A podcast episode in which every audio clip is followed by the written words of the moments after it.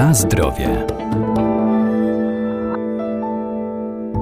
Każda aktywność fizyczna ma pozytywny wpływ na zdrowie człowieka, bo ruch dotlenia nasze mięśnie i hartuje ciało. Nieważne, czy będziemy skakać, pływać, jeździć na rowerze, czy też spacerować, bo wszystkie aktywności uwalniają endorfiny, czyli hormony szczęścia i wzmacniają odporność, a najprostszą formą ruchu jest bieganie.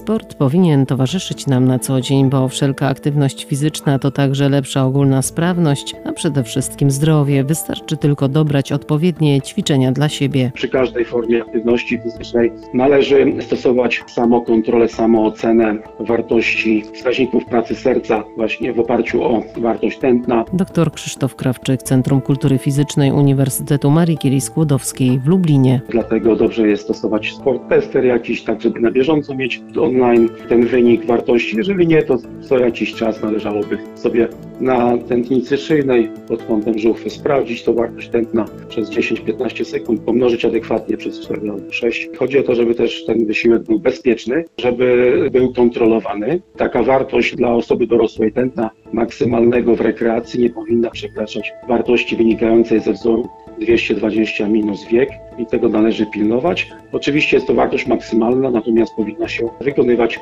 taki wysiłek na poziomie 65, powiedzmy procent, 75, w przedziale 65-75% wartości maksymalnego tętna, które jest rekomendowane dla danego wieku. To jest bardzo istotna sprawa związana z naszym też zdrowiem, bo generalnie wykonujemy po to tą aktywność fizyczną i każdy trening, żeby utrzymać bądź też zwiększyć poziom naszego zdrowia. Natomiast no, nie możemy tutaj przez niewiedzę albo przez brak kontroli powodować jakieś patologiczne albo też dysfunkcyjne stany naszego organizmu. Każdy trening, nawet rekreacyjny, musi być pod kontrolą, szczególnie ten wymagający dużego wysiłku. Na zdrowie.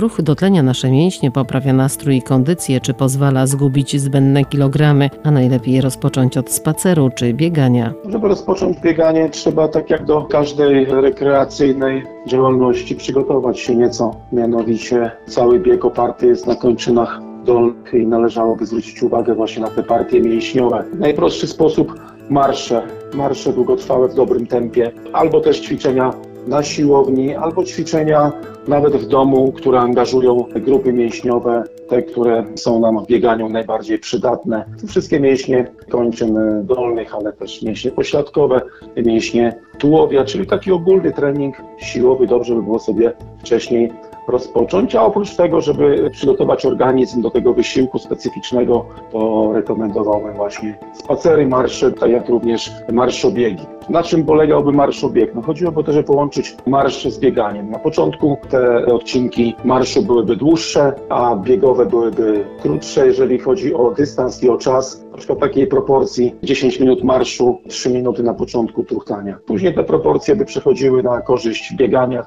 aż w końcu doszlibyśmy do takiej równowagi, na przykład 10 minut marszu, 10 minut biegu, a następnie proporcje szłyby w drugim kierunku, czyli więcej biegu niż marszu, a w końcu byśmy zostali przy samym bieganiu. Taka by była mniej więcej metodyka stosowana do rekreacji biegowej. Jeżeli ktoś oczywiście nie biegał, no bo tutaj należy zwrócić uwagę, że przy bieganiu jest duże obciążenie, jest duży impact siły reakcji z podłoża i szczególnie jak biegamy na twardej nawierzchni, to te siły wielokrotnie przewyższają nawet masę naszego ciała. No i to musi wszystko zostać później skompensowane poprzez układ mięśniowy, stawowy, kostny naszych kończyn kręgosłupa. Dlatego też należy wybierać do biegania odpowiedni teren, najlepiej właśnie taki ustępujący, czyli miękki, amortyzujący.